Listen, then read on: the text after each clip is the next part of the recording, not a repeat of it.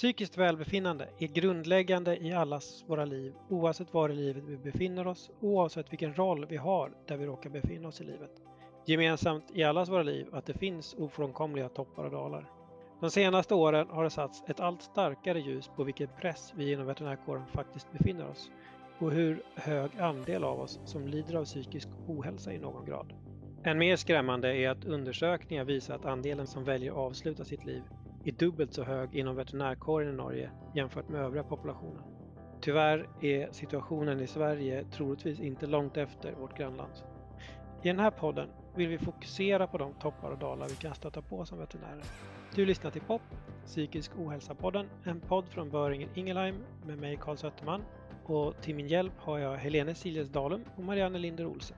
Ingen av oss är psykolog, men vi är alla tre veterinärer och alla med både klinisk och icke-klinisk erfarenhet. Helene och Marianne har dessutom de senaste åren varit mycket drivande i att sätta ljuset på just välmående hos veterinärer.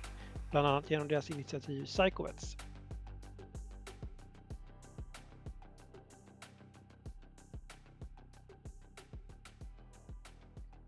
Hej igen och välkomna till POP avsnitt 4. Förra avsnittet så pratade vi lite om förutsättningar i veterinäryrket och hur det kan påverka oss. I det här avsnittet ska vi ta upp hur vet jag om jag behöver hjälp? Hur vet jag när mina känslor går ut över det som är norm eller normalt eller hur man ska uttrycka sig. Helena, vilka är de vanligaste psykiska lidelserna eh, och vad brukar man kunna uppleva för några symptom på dem? Det som kanskje er de vanligste psykiske lidelsene som ikke på en måte kommer inn under den kategorien av de tunge psykiske lidelsene, som schizofreni og eh, paranoidisme og de tingene der, så har vi jo f.eks. angst og depresjon. Og det er jo sånn at veldig mange av oss kommer til å oppleve enten angst eller depresjon i løpet av livet. Det er faktisk nesten mer vanlig å oppleve det enn å ikke ha opplevd det i løpet av livet sitt. Mm. Sånn at det å på et eller annet tidspunkt i livet eh, kjenne på eh, at ting er tråd, og at man faktisk er på et eh, sånt sted at man eh, kan behøve hjelp for det, det er veldig, veldig vanlig. Og der har jo for så vidt både jeg og Marianne egen erfaring, og representerer vel i så måte kanskje eh, de viktigste psykiske lidelsene, som altså er angst, som jeg har vært gjennom sjøl, og depresjon, som Marianne eh, opplevde da. Ja, det, det stemmer. Där har ju varsin merkelapp. ja. ja, jag räknar in mig i märkelappen med, med ångest också kan jag säga. Så det, det är ju vanligt. Det är vanligt och det är som du säger så är det väl så att det, alla vid något tillfälle i livet kommer ha en period där man mår sämre. Det gäller väl att kunna uppfatta tecknen på det så att man kan söka hjälp för det vid de tillfällen man behöver det. Mm. Lite som att man känner att nu behöver jag hjälp för jag har ont i knät så, så behöver jag hjälp för att nu har jag ont i själen i brist på bättre ord. Ja, absolutt. Og det er jo eh, altså angst og depresjon tenker jeg det er viktig at vi ufarliggjør litt. Fordi at eh, det er veldig veldig vanlig, og det er ikke noe mer mystisk eh, enn at man får en forkjølelse. Det, det er faktisk Man skal ikke tenke at man har en tung psykisk lidelse selv om man går med en depresjon. Det kan bli det. Så derfor er det veldig viktig at man oppfatter de signalene eh, som man får da, på et tidlig tidspunkt. Og da kan man kanskje gjøre noen grep sjøl, sånn at man ikke havner der at man er nødt til å søke profesjonell hjelp. Mm. Det finns ju någon form av stigma kring det. I, i just i, i, mitt fall så tog det lång tid innan jag förstod att det här faktiskt inte är som det borde och, och det bar emot väldigt den egna självkänslan att faktiskt våga söka sig någonstans. Och det är väl lite det vårt mål med den här podden bland annat är att vi ska komma undan från att det är ingenting konstigt. Det finns ett vårdsystem som faktiskt fungerar och finns där även för den typen av sjukdomar. Och precis som det finns ortopeder och det finns kardiologer så finns det också psykologer och terapeuter och andra former. Absolutt.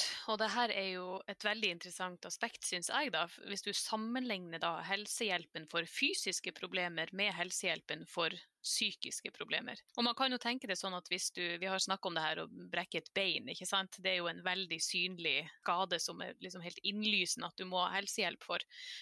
Og når det gjelder de fysiske problemene, så oppstår det jo da gjerne en form for sykdom eller skade du drar inn til et sykehus eller helsetjeneste, du får hjelp, og så er du tilbake på jobb og har god helse igjen. Men når det kommer til helsehjelp for de psykiske problemene, så er jo faktisk en av forutsetningene for at du skal få hjelp, er jo faktisk at du gjenkjenner de symptomene på den psykiske lidelsen. Og der tror jeg vi har en lang vei å gå i folkehelseperspektiv, egentlig med psykoedukasjon, rett og slett. At vi må faktisk begynne å lære litt mer om hvordan psyken vår fungerer, før vi i det hele tatt kan eh, gjøre en vurdering av vår egen psykiske helse. Som igjen da er knytta til stigma. sånn at det her er veldig veldig sammensatt. Og så er det dessverre da ikke så enkelt alltid at man oppdager sjøl at man er psykisk syk, man drar inn i stedet og får hjelp, og så kommer du tilbake i jobb og, og er i god funksjon. Eh, det kan være bl.a. tilgjengelighet av behandling. I hvert fall i Norge så kan det variere litt med tilbud fra kommune til kommune det er viktig med kjemien din, ikke sant, med den behandleren du går hos. Vi skal snakke mer om det her etterpå også. Men, men det, du er liksom ikke like avhengig av en god kjemi hvis det er noen som skal operere et beinbrudd hos deg, ikke sant. også når du da kommer tilbake og egentlig er ferdig behandlet, så er det jo da en rekke eh, følelser kanskje knytta til det. F.eks. tap av selvtillit, eh, tap av selvfølelse. Man er redd for å få tilbakefall, fordi at det å være psykisk syk kan være veldig selv om på en måte problemene kanskje oppstår eller stammer fra tankene våre, så er det i høyeste grad fysiske symptomer på det, mm. Eh, og som kan være veldig ubehagelig. Man kan være bekymra for hva kolleger tenker, ikke sant. Eh, og en arbeidsgiver får en fast jobb her, f.eks. Hvis man jobber i et vikariat et sted, og så opplever man å bli psykisk syk og være borte en periode. Hva tenker da min arbeidsgiver om å ansette meg i fast stilling etter det her? Sånn vi har en rekke andre tilknyttende faktorer da, som kanskje er litt annerledes når det gjelder de psykiske problemene sammenlignet med de fysiske. Men eh, felles for det, om det er fysiske eller psykiske problemer, så er jo det her veldig, veldig ofte fysiske symptomer, selv om det stammer fra, mm. fra hodet vårt. Og der syns jeg Marianne også bruker å fortelle det her så godt i foredragene sine om hvordan hun opplevde sin depresjon. Men Man sier at man er syk i tankene, men, men, for din del Marianne, så var det vel også veldig en fysisk manifestasjon? Ja, eh, det var jo det. Jeg visste ingenting om, om eh, angst og depresjon annet enn ja, sånn som man har hørt og sett rundt omkring. Men Min kunnskap om dette var jo nærmest lik null. og jeg hadde jo da, som jeg sa innledningsvis i episode én, hadde jo noen veldig tøffe år etter jeg starta opp klinikken, hvor det var veldig mange forskjellige faktorer egentlig eh, i livet. Det var jo denne klinikken som jeg på død og liv skulle få til å eh, bli en suksess. Mange vanskelige faktorer rundt det. Jeg hadde to små bleiebarn. Eh, vi hadde en veldig krevende unghund. Og så fikk pappaen min kreft, og så var det dårlig økonomi osv. Så, videre. så jeg gikk jo rundt med en sånn konstant utilstrekkelighetsfølelse, hvor jeg følte at jeg ikke strakk til på noen eh, arena i det hele tatt. Jeg prøvde, prøvde veldig hardt å, å, bøye meg baklengs for å være en god veterinær, en god sjef, en god mamma, en god partner. Men det var ingen, ingen plass jeg fylte på hos meg sjøl. Og når man går og føler seg utilstrekkelig hele tida, så får man dårlig samvittighet. Eh, og til slutt så blir dårlig samvittighet en, en slags state of mind, der hjernen eh, påfører deg dårlig samvittighet for alt mulig rart som egentlig ikke har noen ting med det å gjøre. og det følger med denne tilstanden, så går man inn i et veldig negativt eh, tankespinn, hvor hjernen går inn i et slags mønster, hvor du, den fòrer deg med negative tanker om deg sjøl, om alt du gjør, om omgivelsene dine osv. Og, så og jeg trodde jo på alle de her negative tankene mine, for jeg visste jo ikke om dette her. Så jeg trodde jo at alt det der som jeg tenkte, var sant. At jeg var en dårlig mamma, at jeg ikke strakk til som veterinær, at jeg var en dårlig sjef og ja, hva det måtte være. Og dette er jo noe som utvikla seg veldig langsomt, egentlig over flere år. Mm.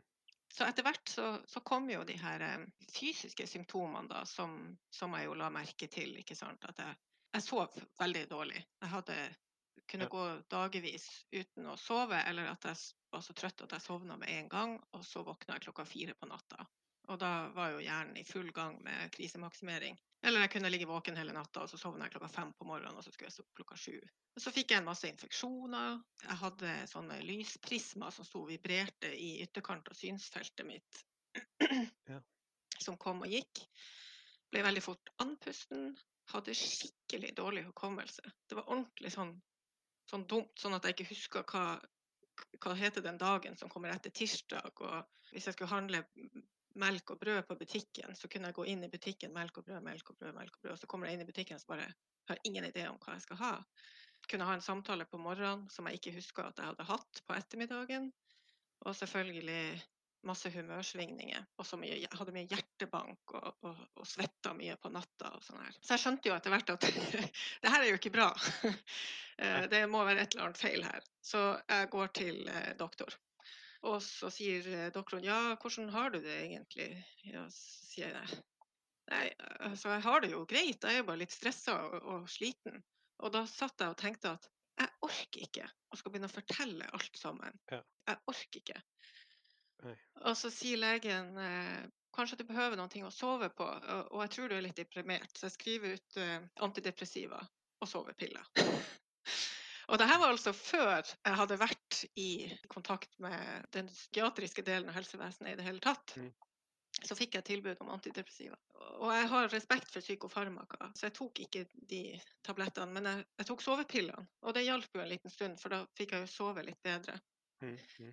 Men jeg fortsatte jo som før, fordi jeg skjønte jo ikke hvor det her var på vei. Nei. Og så var det en eh, fredag ettermiddag. Jeg satt på jobb og holdt på med noen prøvesvar og noen journaler som skulle avsluttes, og noen eiere jeg skulle ringe. Og vi skulle reise til eh, fjellhytta med familien og være der den helga.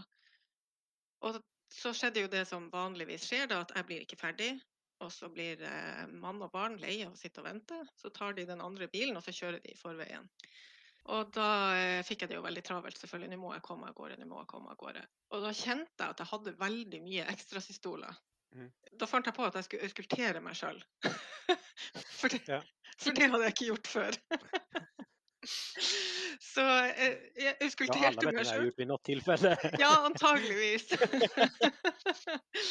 Men da auskulterte jeg meg sjøl og følte på min puls og forsto at OK, nå har jeg veldig mange ekstrasistoler.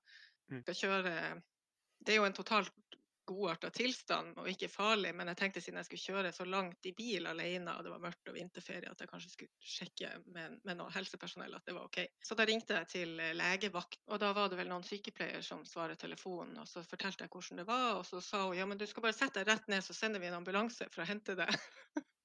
Oi. Og da sa jeg at nei, nei, nei, det er ikke nødvendig. Sånn her har det jo vært i mange måneder. så jeg gikk da ned til legevakta, som var bare noen hundre meter ned i gata. Så det, og da gikk det fint, og de, de undersøkte alt var i orden med hjertet mitt og alt sånt her. Men det Mm. gjorde jo at det ble satt i gang en utredning. Da fikk jeg jo ny legetime. Og da ble det tatt noen blodprøver, og da viste det seg at jeg hadde en, en eh, ganske alvorlig leukopeni, altså en neutropeni. Ja. Eh, og da ble det jo full utredning med blodprøver, EKG, ultralyd, røntgen, CT, tok beinmargsbiopsi to ganger. Og på dette tidspunktet krasja jeg fullstendig. Eh, for da ble jeg redd. For da tenkte jeg at herregud, jeg er alvorlig syk. Og det her tar jo ikke én uke, sånn som du gjør i veterinærmedisin. Det tar jo flere uker å skal få gjennomført alle disse undersøkelsene og få svar på dem. Mm, mm. Eh, så Som jeg antar Ja. bygger på stressen enda mer. Ja, riktig. Så da tenkte jeg at eh, jeg kommer ikke til å få se guttene mine vokse opp. Jeg kommer til å dø. ikke sant? Det her var jo midt i blinken for min, eh, mitt allerede negative tankemønster. Mm. Så da krasja jeg fullstendig. Og når jeg kom tilbake til fastlegen og han skulle fortelle meg resultatet av alle de undersøkelsene, som var jo at det feila meg jo ingenting, da skjønte jeg Altså, da fikk jeg en sånn virkelighetskrasj av dimensjoner. Jeg skjønte ingenting. Jeg bare sånn Hæ, ja, men jeg er jo syk. Hva, feiler det meg ingenting? Men hva er det da? Og så sier han jeg tror kanskje vi skal henvise deg til voksenpsykiatrien. Og da tenkte jeg bare OK, eh, greit, jeg er ikke syk, men jeg er sinnssyk. Det er noe feil med hodet mitt, og jeg skal til psykiatrisk undersøkelse og, og behandling. Og jeg, jeg, følte meg som verdens største taper. Og så her møtte jeg jo egen for, mine egne fordommer, mine egen uvitenhet for full styrke, altså. Mm. Og den første gangen jeg gikk inn på voksenpsykiatrisk eh, avdeling hjemme i kommunen, så følte jeg meg Jeg håper ingen så meg. Jeg var så mm. skamfull. Mm. Jeg kjenner igjen meg i det. Ja, men så fikk jeg heldigvis en, en, behandler som jeg hadde veldig god kjemi med, og, og, det var helt fantastisk hvor mye jeg lærte i løpet av eh, det neste året, altså. Ganske intensiv kognitiv terapi i løpet av seks måneder. Og eh, vi holdt vel på et år. Etter seks måneder så gikk jeg delvis tilbake til arbeid, og etter et år jobba jeg fullt igjen. Men det kan jeg si at det er ikke verdt å gå ned den ruta der. For jeg kommer sannsynligvis aldri til å få tilbake min fulle kapasitet. For det skjer ganske mange forandringer i, i kroppen og i hjernen når man liksom kjører seg helt ned i grøfta, altså. Jeg hadde jo kanskje forventa at nå, når man møter veggen, så møter man veggen med et smell. Mm. Uh, og det smellet kom jo aldri. Men Nei faktum var jo at jeg sto jo og stanga og stanga og stanga i den veggen uten at jeg visste om det. Det er kanskje et litt ulykkelig uttrykk der at man går inn i veggen, har jeg tenkt på. Mm. Eh, for det er jo sjelden så at det er en vegg, utan det, det er jo mer av en smygende oppførsbakke, og sen så tar luften slut någonstans oppe på fjelltoppen, kanskje. Snarere. Men når man eh, møter veggen så er det ofte en dør i nærheten også.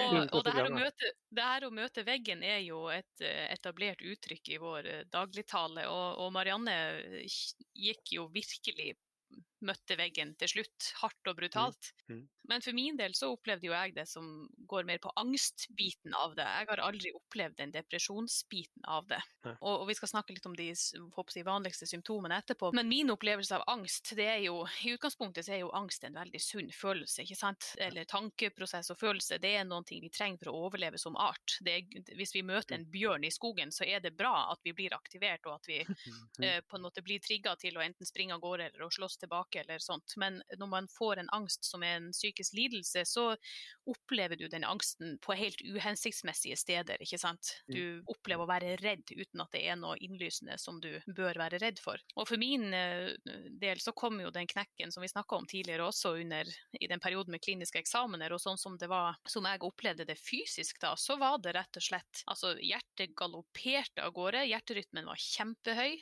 kaldsvetta i, i håndflatene, klarte ikke å spise. Klarte ikke å konsentrere meg om noen ting. Her, du får, eller jeg fikk i hvert fall en sånn følelse av at jeg ikke fikk til å, å, å puste ordentlig. At det mm, snørte seg sammen omtrent i luftrøret, og at jeg sleit med å liksom få trukket pusten min godt nok.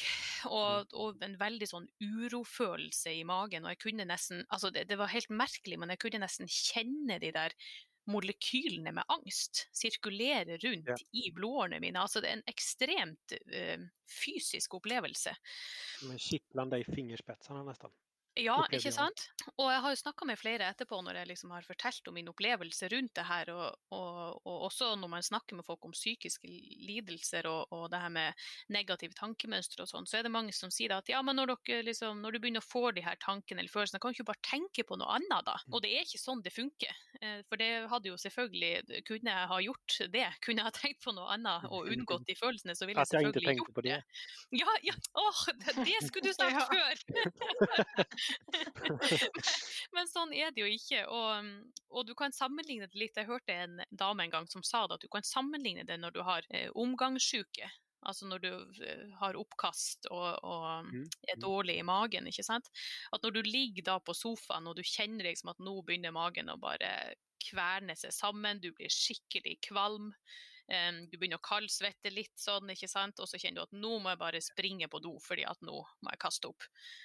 Og hvis noen da akkurat på det tidspunktet hadde sagt til deg at eh, å ja, du vil kaste opp. Nei, man bare tenker på noe annet. Det er omtrent like lett uh, Mm. å snu en sånn negativ tankespiral eller et sånn angsttankegang som det er å avbryte oppkast hvis du er virussjuk.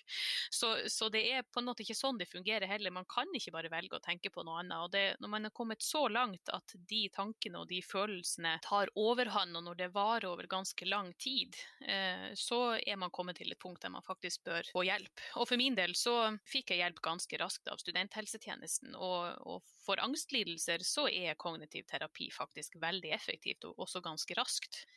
Så, så, det er når de her plagene, enten om det er angst eller depresjon, men når det er plager som liksom varer over litt tid, gjerne over to ukers tid, eh, og det begynner å gå utover hverdagsfunksjonen din, da bør man begynne å tenke på om man kanskje trenger litt hjelp og støtte til å, å rydde opp i tankemønstrene. Mm.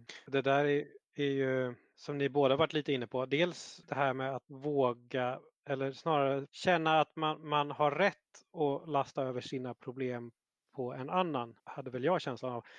Att, det, att man känner inte att man, jag kände inte att jag orkade berätta och jag ville inte besvära den personen, även om jag var där som kund eller djur eller patienter som man ska säga, så, så är det här att, att faktiskt lasta över hela den här, på vilket sätt skulle de bry sig om mina problem? Alltså, förstår ni hur jag menar?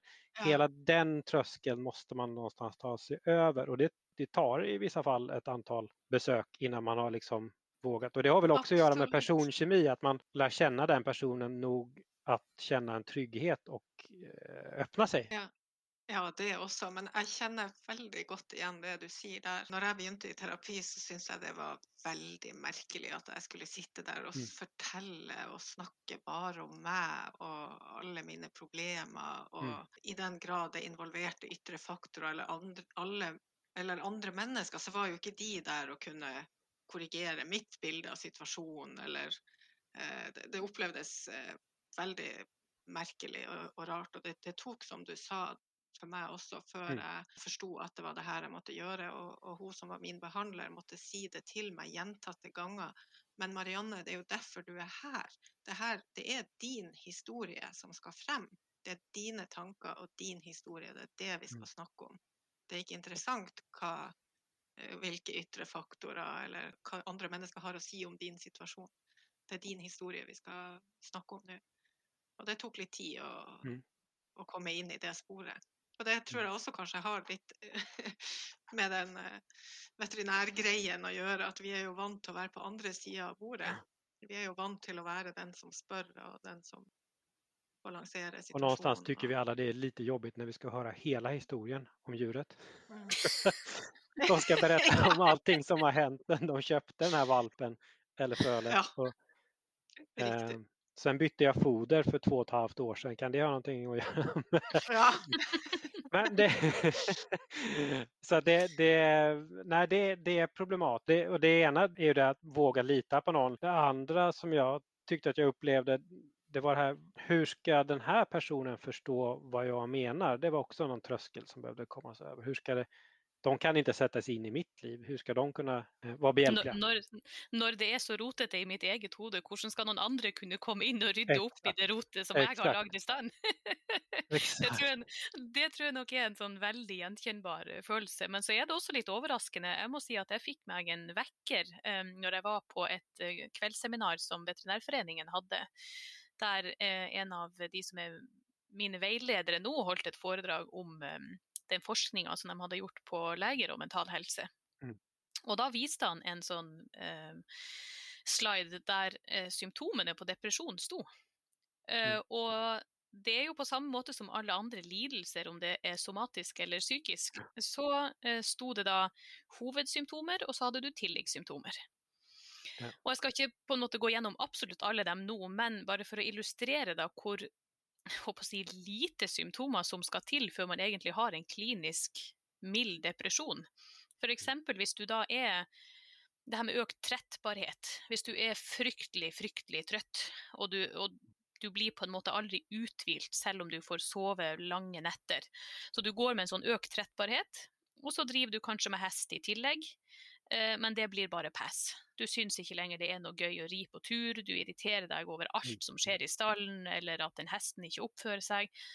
Og I tillegg da, så har du kanskje litt redusert appetitt, du er ikke like sulten som vanlig. Eh, og du har litt konsentrasjonsproblemer. Så det er økt rettbarhet, tap av interesse eller glede, redusert konsentrasjon og redusert appetitt. Og hvis de symptomene varer i to uker eller mer, så har du per definisjon en, en mild klinisk depresjon der det er indisert med samtaleterapi.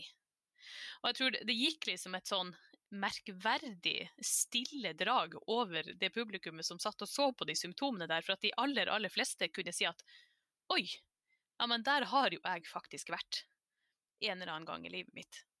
Så det å på en måte ha respekt for at man må ikke kunne, som du sa tidligere, Kalle, at hvor ille må man ha det før man ber om hjelp? det, det, er vanskelig å avgjøre, men når man har noen sånne knagger å henge det på, så blir det litt lettere å gjøre en vurdering.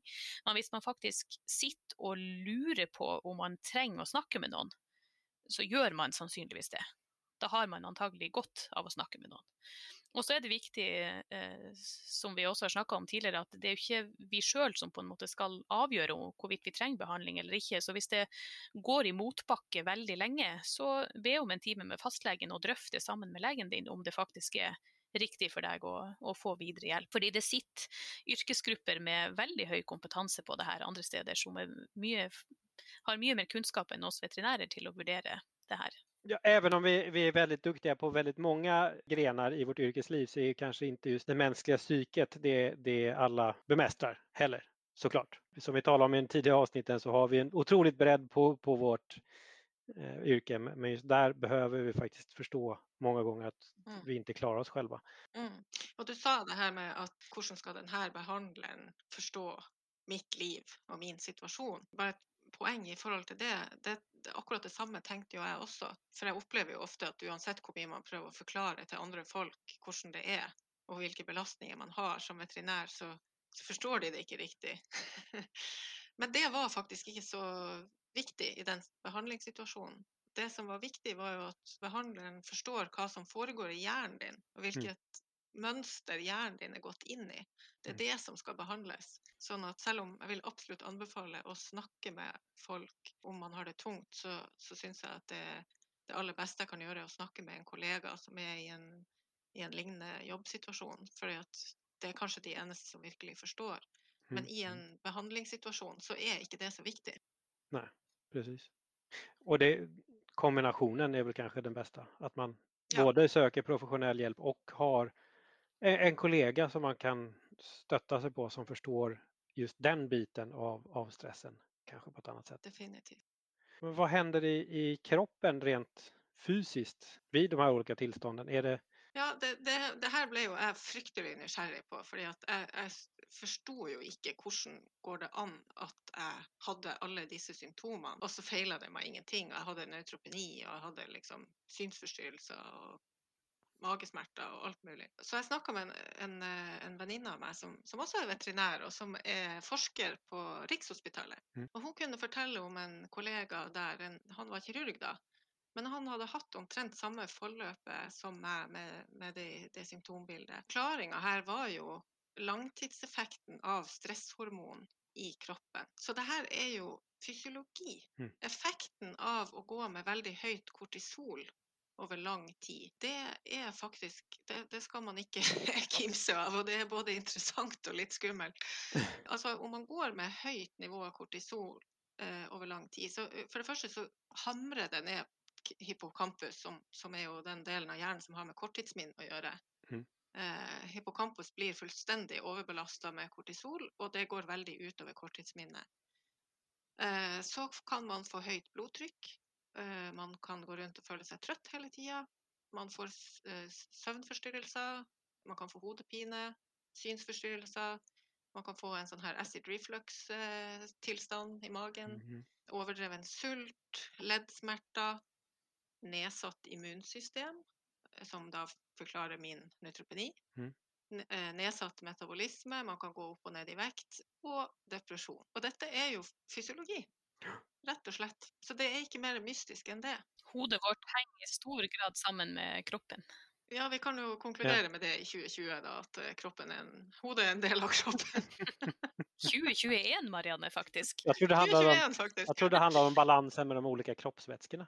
Men och det här, just, just fysiologin är ju faktiskt någonting vi har bankat i oss. Så det är ju någonting som vi, vi kan som, som veterinärer någonstans relatera till. Alla vet hur en hund, häst, ko reagerar på en långtids kortisonbehandling.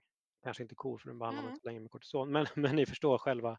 Så det, det är väl inte allt för långsökt att kunna ha det i alla fall som ingångspunkt till alla våra kollegor att det finns en anledning till att man reagerar som man gör när man har den Mm. stresspåslaget konstant. Absolutt, og derfor er det jo så viktig at uh, de veterinærene som blir utdannet, får vite litt om det her. Ikke fordi at vi skal kunne en masse om psykologi eller psykiatri, men for at vi skal faktisk kunne være i stand til å gjøre en vurdering av vår egen psykiske helse, i den grad at vi skal vite når vi faktisk trenger å søke hjelp.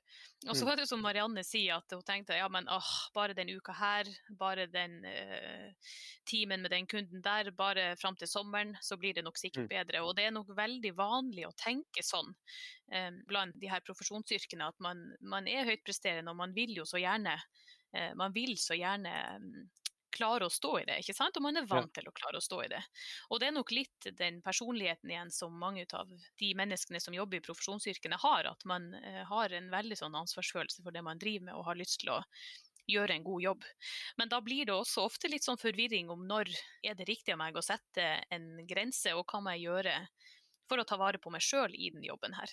Ja, det er jo ganske typisk for oss eh, veterinærer tror jeg at vi lar det gå så langt at når det først blir sånn at man OK, nå er det stopp, så tar det fryktelig lang tid å komme tilbake fordi du har kjørt deg sjøl så grundig ned i grøfta. Og en av mine på en måte missions med å snakke om det her, er jo å få folk til å gjenkjenne symptomer tidlig, sånn at man ikke går ned dit. Ja, precis. Om du ikke tar vare på deg sjøl, så får du ikke tatt vare på jobben og ungene og partneren og vennene og alt det her. Sånn at om man kan litt mer om det her, så, så kan man fikse det sjøl på et tidlig tidspunkt. Og også selvfølgelig vite nok til at man kan be om hjelp når man har behov for det. En annen ting som jeg også har lyst til å si veldig mye på hjertet, er jo det her med at eh, vi snakker stadig vekk om det her brekte beinet som man har, og alle ser jo at, eh, at du har brekt beinet, og at det er synd på deg, og at du har vondt. Jeg husker at jeg på et tidspunkt tenkte at jeg skulle ønske jeg bare ble overkjørt av en buss og brekte alle beina i kroppen, sånn at folk kunne se hvor fælt jeg har det. Mm. For det er jo det med depresjon, at det er jo usynlig. Det vises jo ikke. Det er jo ingen som kommer til å si til deg at nå tror jeg du må gjøre noen ting, for nå har du det ikke bra. Fordi at man blir veldig god på å spille og ha det bra. Vi logrer med svansen og, og går på videre. Så at eh, Mm. du får ikke den eh, anerkjennelsen fra andre. Det er ingen andre som kommer til å se at, at, du, at du har det fælt. Eh, nej, och det, det är någonting jag faktiskt har hørt fra andre i, som har vært i samme situasjon også. Just den här eh, någonstans hjälp, jag bara se hur dåligt jag mår. Och det, det, det är ju viktigt att man tar upp det och att vi faktiskt vågar diskutera det just av den anledningen. För det, det är ju tyvärr så att det är när man känner så och inte känner att man kan få någon hjälp eller att någon ser en, det är då man, man börjar få, få självdestruktiva tankar också, antar jag. Mm, precis. Um... Absolutt. Og så må man jo ta vare på den psykiske helsen sin på samme måte som man gjør med den fysiske. Det er liksom helt innlysende at man er nødt til å eh, løpe på tredemølla eller løfte vekter og liksom trene for å holde seg i form fysisk, men man må faktisk også gjøre noen grep eh, for å ta vare på den psykiske helsen med gode hverdagsvaner, ikke sant. Og igjen, det er jo ikke verken mulig eller et mål å gå rundt og være på topp hele tiden. Sånn er jo ikke livet. Eh, og ha rom for at eh, noen ganger så er ting vanskelig, og det er ikke sånn at eh, alle som opplever å ha det vanskelig, nødvendigvis må snakke med profesjonelle psykologer eller psykiatere. Så det viktigste hvis man opplever å ha det vanskelig, er ikke hvem du snakker med om det, men at du snakker med noen om det. Sånn at du Ja. får lufta det, og i hvert fall for min del, da, som hadde opplevde panikkangst, så um, er det helt fascinerende hvor Altså, man skal være ganske kreativ, faktisk, for å, å utvikle uh, angst. fordi at du må jo ha en del fantasi for å kunne tenke deg til hvor mye galt som egentlig kan skje. Ja. Um, sånn at den der evnen til å rote seg langt inn i angst, det krever også faktisk en del kreativitet. Og når du da begynner å snakke om de tingene her høyt, så hører man også plutselig sjøl hvor utrolig eh, ikke plausibelt de tingene du går rundt og tenker på er, når du først sier det høyt. Og det var litt sånn vekker for meg når jeg faktisk begynte å snakke om mm. det. Så hadde jo jeg klart da å generere inni mitt hode på bare noen få sekunder, så hadde jeg jo krisemaksimert ting fra 0 til 150 på, på bare noen få sekunder. Men når jeg sa de tingene høyt, så hørte jeg jo sjøl at det her høres fullstendig ulogisk og umulig ut, faktisk. Ja. Så bare det å åpne munnen og faktisk snakke om de tingene her høyt, eh, har nesten en litt sånn terapeutisk eh, effekt i seg sjøl, faktisk. Mm, mm. For å återkoppla til, til eh, det her at man, man måtte reagere innan, innan man har gått så langt ner så att det tar sånn tid å komme tilbake eller kanskje aldri kommer tilbake på samme nivå. Det er ju en tanke som inte all, heller är allt för avlägsen för oss som, som vårdpersonal eller veterinärer. Jag tänker, har man en häst som är lite halt och sen så säger man åt djurägaren att vänta i, i en månad och se vad som händer så är den skithalt. Då är det mycket större arbete att få den att komma tillbaks i tävlingsform än om man faktiskt gör någonting ganska snabbt. Och det där tror jag är någonting som alla veterinärer är fullt eniga om. Men det gjelder bare å kunne applicera det på seg selv også, tenker jeg. Det er en kjempegod analog. Du har veldig rett, Kalle. Og jeg har vært så heldig å få um, snakke en del sammen med uh, psykiatere som jobber på et sted som heter Villa Sana her i, i Norge, som er en del av Modum Bad, et privat uh, psykiatrisk sykehus.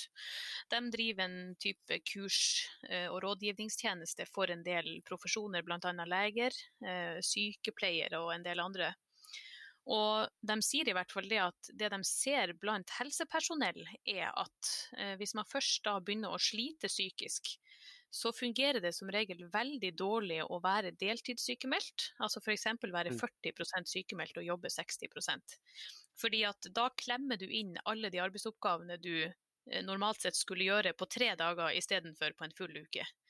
Sånn at um, når helsepersonell først begynner å, å, slite og trenger en pause, en timeout, så må man som regel være fulltidssykemeldt over ganske lang tid før man i det hele tatt kom, klarer å komme tilbake igjen uh, og være i jobb. Fordi at du, du trenger å ha en fullstendig timeout fra, fra jobben. Ja, det går ikke å tävla lite grann med sin hest mens man behandler. Nei, ikke sant? Jag lovar, jag ska bara, bara, en, bara en gång i veckan.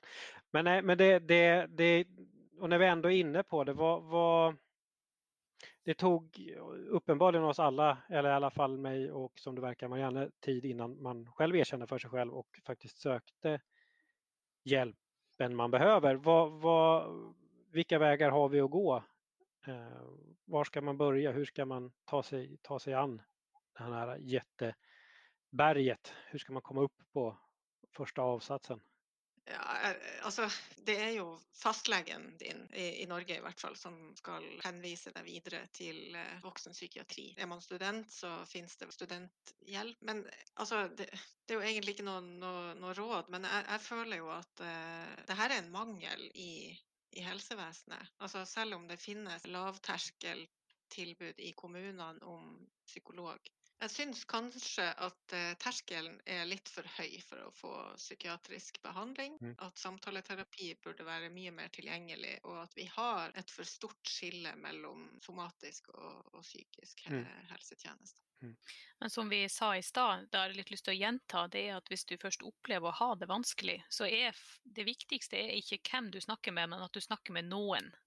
For mm. bare det å faktisk få lufta tankene sine og dele det med noen andre, er en veldig viktig del av det å komme inn og, og få mm. riktig hjelp. Og da, eh, igjen, Fastlegen er jo et alternativ. Eh, I Norge har vi også Kollegahjelpen. Jeg vet ikke om det finnes en eh, motsvaring i Sverige. Det gjør det. Via ja. Veterinærforbundet har et kollegialt nettverk. Ikke eh, sant? Så snakk med noen om det, i hvert fall. Mm. Og i utgangspunktet så er det jo da fastlegen som, som skal henvise videre da til, til psykisk helsehjelp. Mm. Men det viktige som Marianne sier, er jo å søke den hjelpen før det går så langt at du liksom er helt på bunnen. For at du Mm. Det koster litt, som regel, og, og, be om den hjelpen. Og da er det lurt å gjøre det når du fremdeles har litt overskudd igjen, sånn at du eh, klarer å ta den telefonen til fastlegen og bestille den timen for å Mm. få noen å snakke med. Da er det veldig vanskelig, ja. Det er det. Men eh, ja, som Helene sier, snakk med noen. Og Ja. gjerne en kollega som har lignende arbeidssituasjon som deg sjøl. Och tänk på att många av oss har varit i, noen någon liknande situation, allra flesta skulle jag nästan vilja påstå, i någon form, kanske inte i, Ja. i den allvarligaste graden, men har haft dåliga perioder i sitt liv. Så det, det är Mm. liksom ingenting skamligt. Man, man blir ju inte betraktad som en mindre människa av sina kollegor eh, för att man Absolutt faktiskt ikke. har det. Det er jo, det er jo. High, altså det er jo, som Helene sier, det er jo high achievers og, som brenner seg ut. Og de som har noe å brenne for, som brenner seg ut. Vi stopper ikke fordi at vi har så stort hjerte for jobben. Så det er absolutt ingenting å skamme seg over i det hele tatt. Det er faktisk ikke noe mer mystisk enn at man brekker beinet eller får influensa. Vi må komme helt bort fra den der eh, tankegangen om at dette er noe å skamme seg for. Og all den responsen som eh, Helene og jeg fikk etter den artikkelen sto på trykk i Dagens Næringsliv, som vi har snakka om, da fikk vi altså Telefonene våre holdt jo på å eksplodere med tekstmeldinger fra Mm. kolleger rundt omkring i Norge som kjente seg igjen i våre Mm. historier. Så dette er helt vanlig og helt umystisk. Det er en veldig god oppsummering, Marianne. Det er veldig, veldig vanlig å oppleve å ha det vanskelig. Men man må ta tak i det hvis det er en endring som varer over tid, og hvis Ja. det er en endring som hindrer deg i å gjøre de tingene du gjorde før, eller som du bruker å gjøre. Precis. Man behöver ikke være sjuk for at man mår dårlig, men når det tar over ens normala liv og funktioner, det er da dags å ta seg hjelp utifrån. Jättebra snack!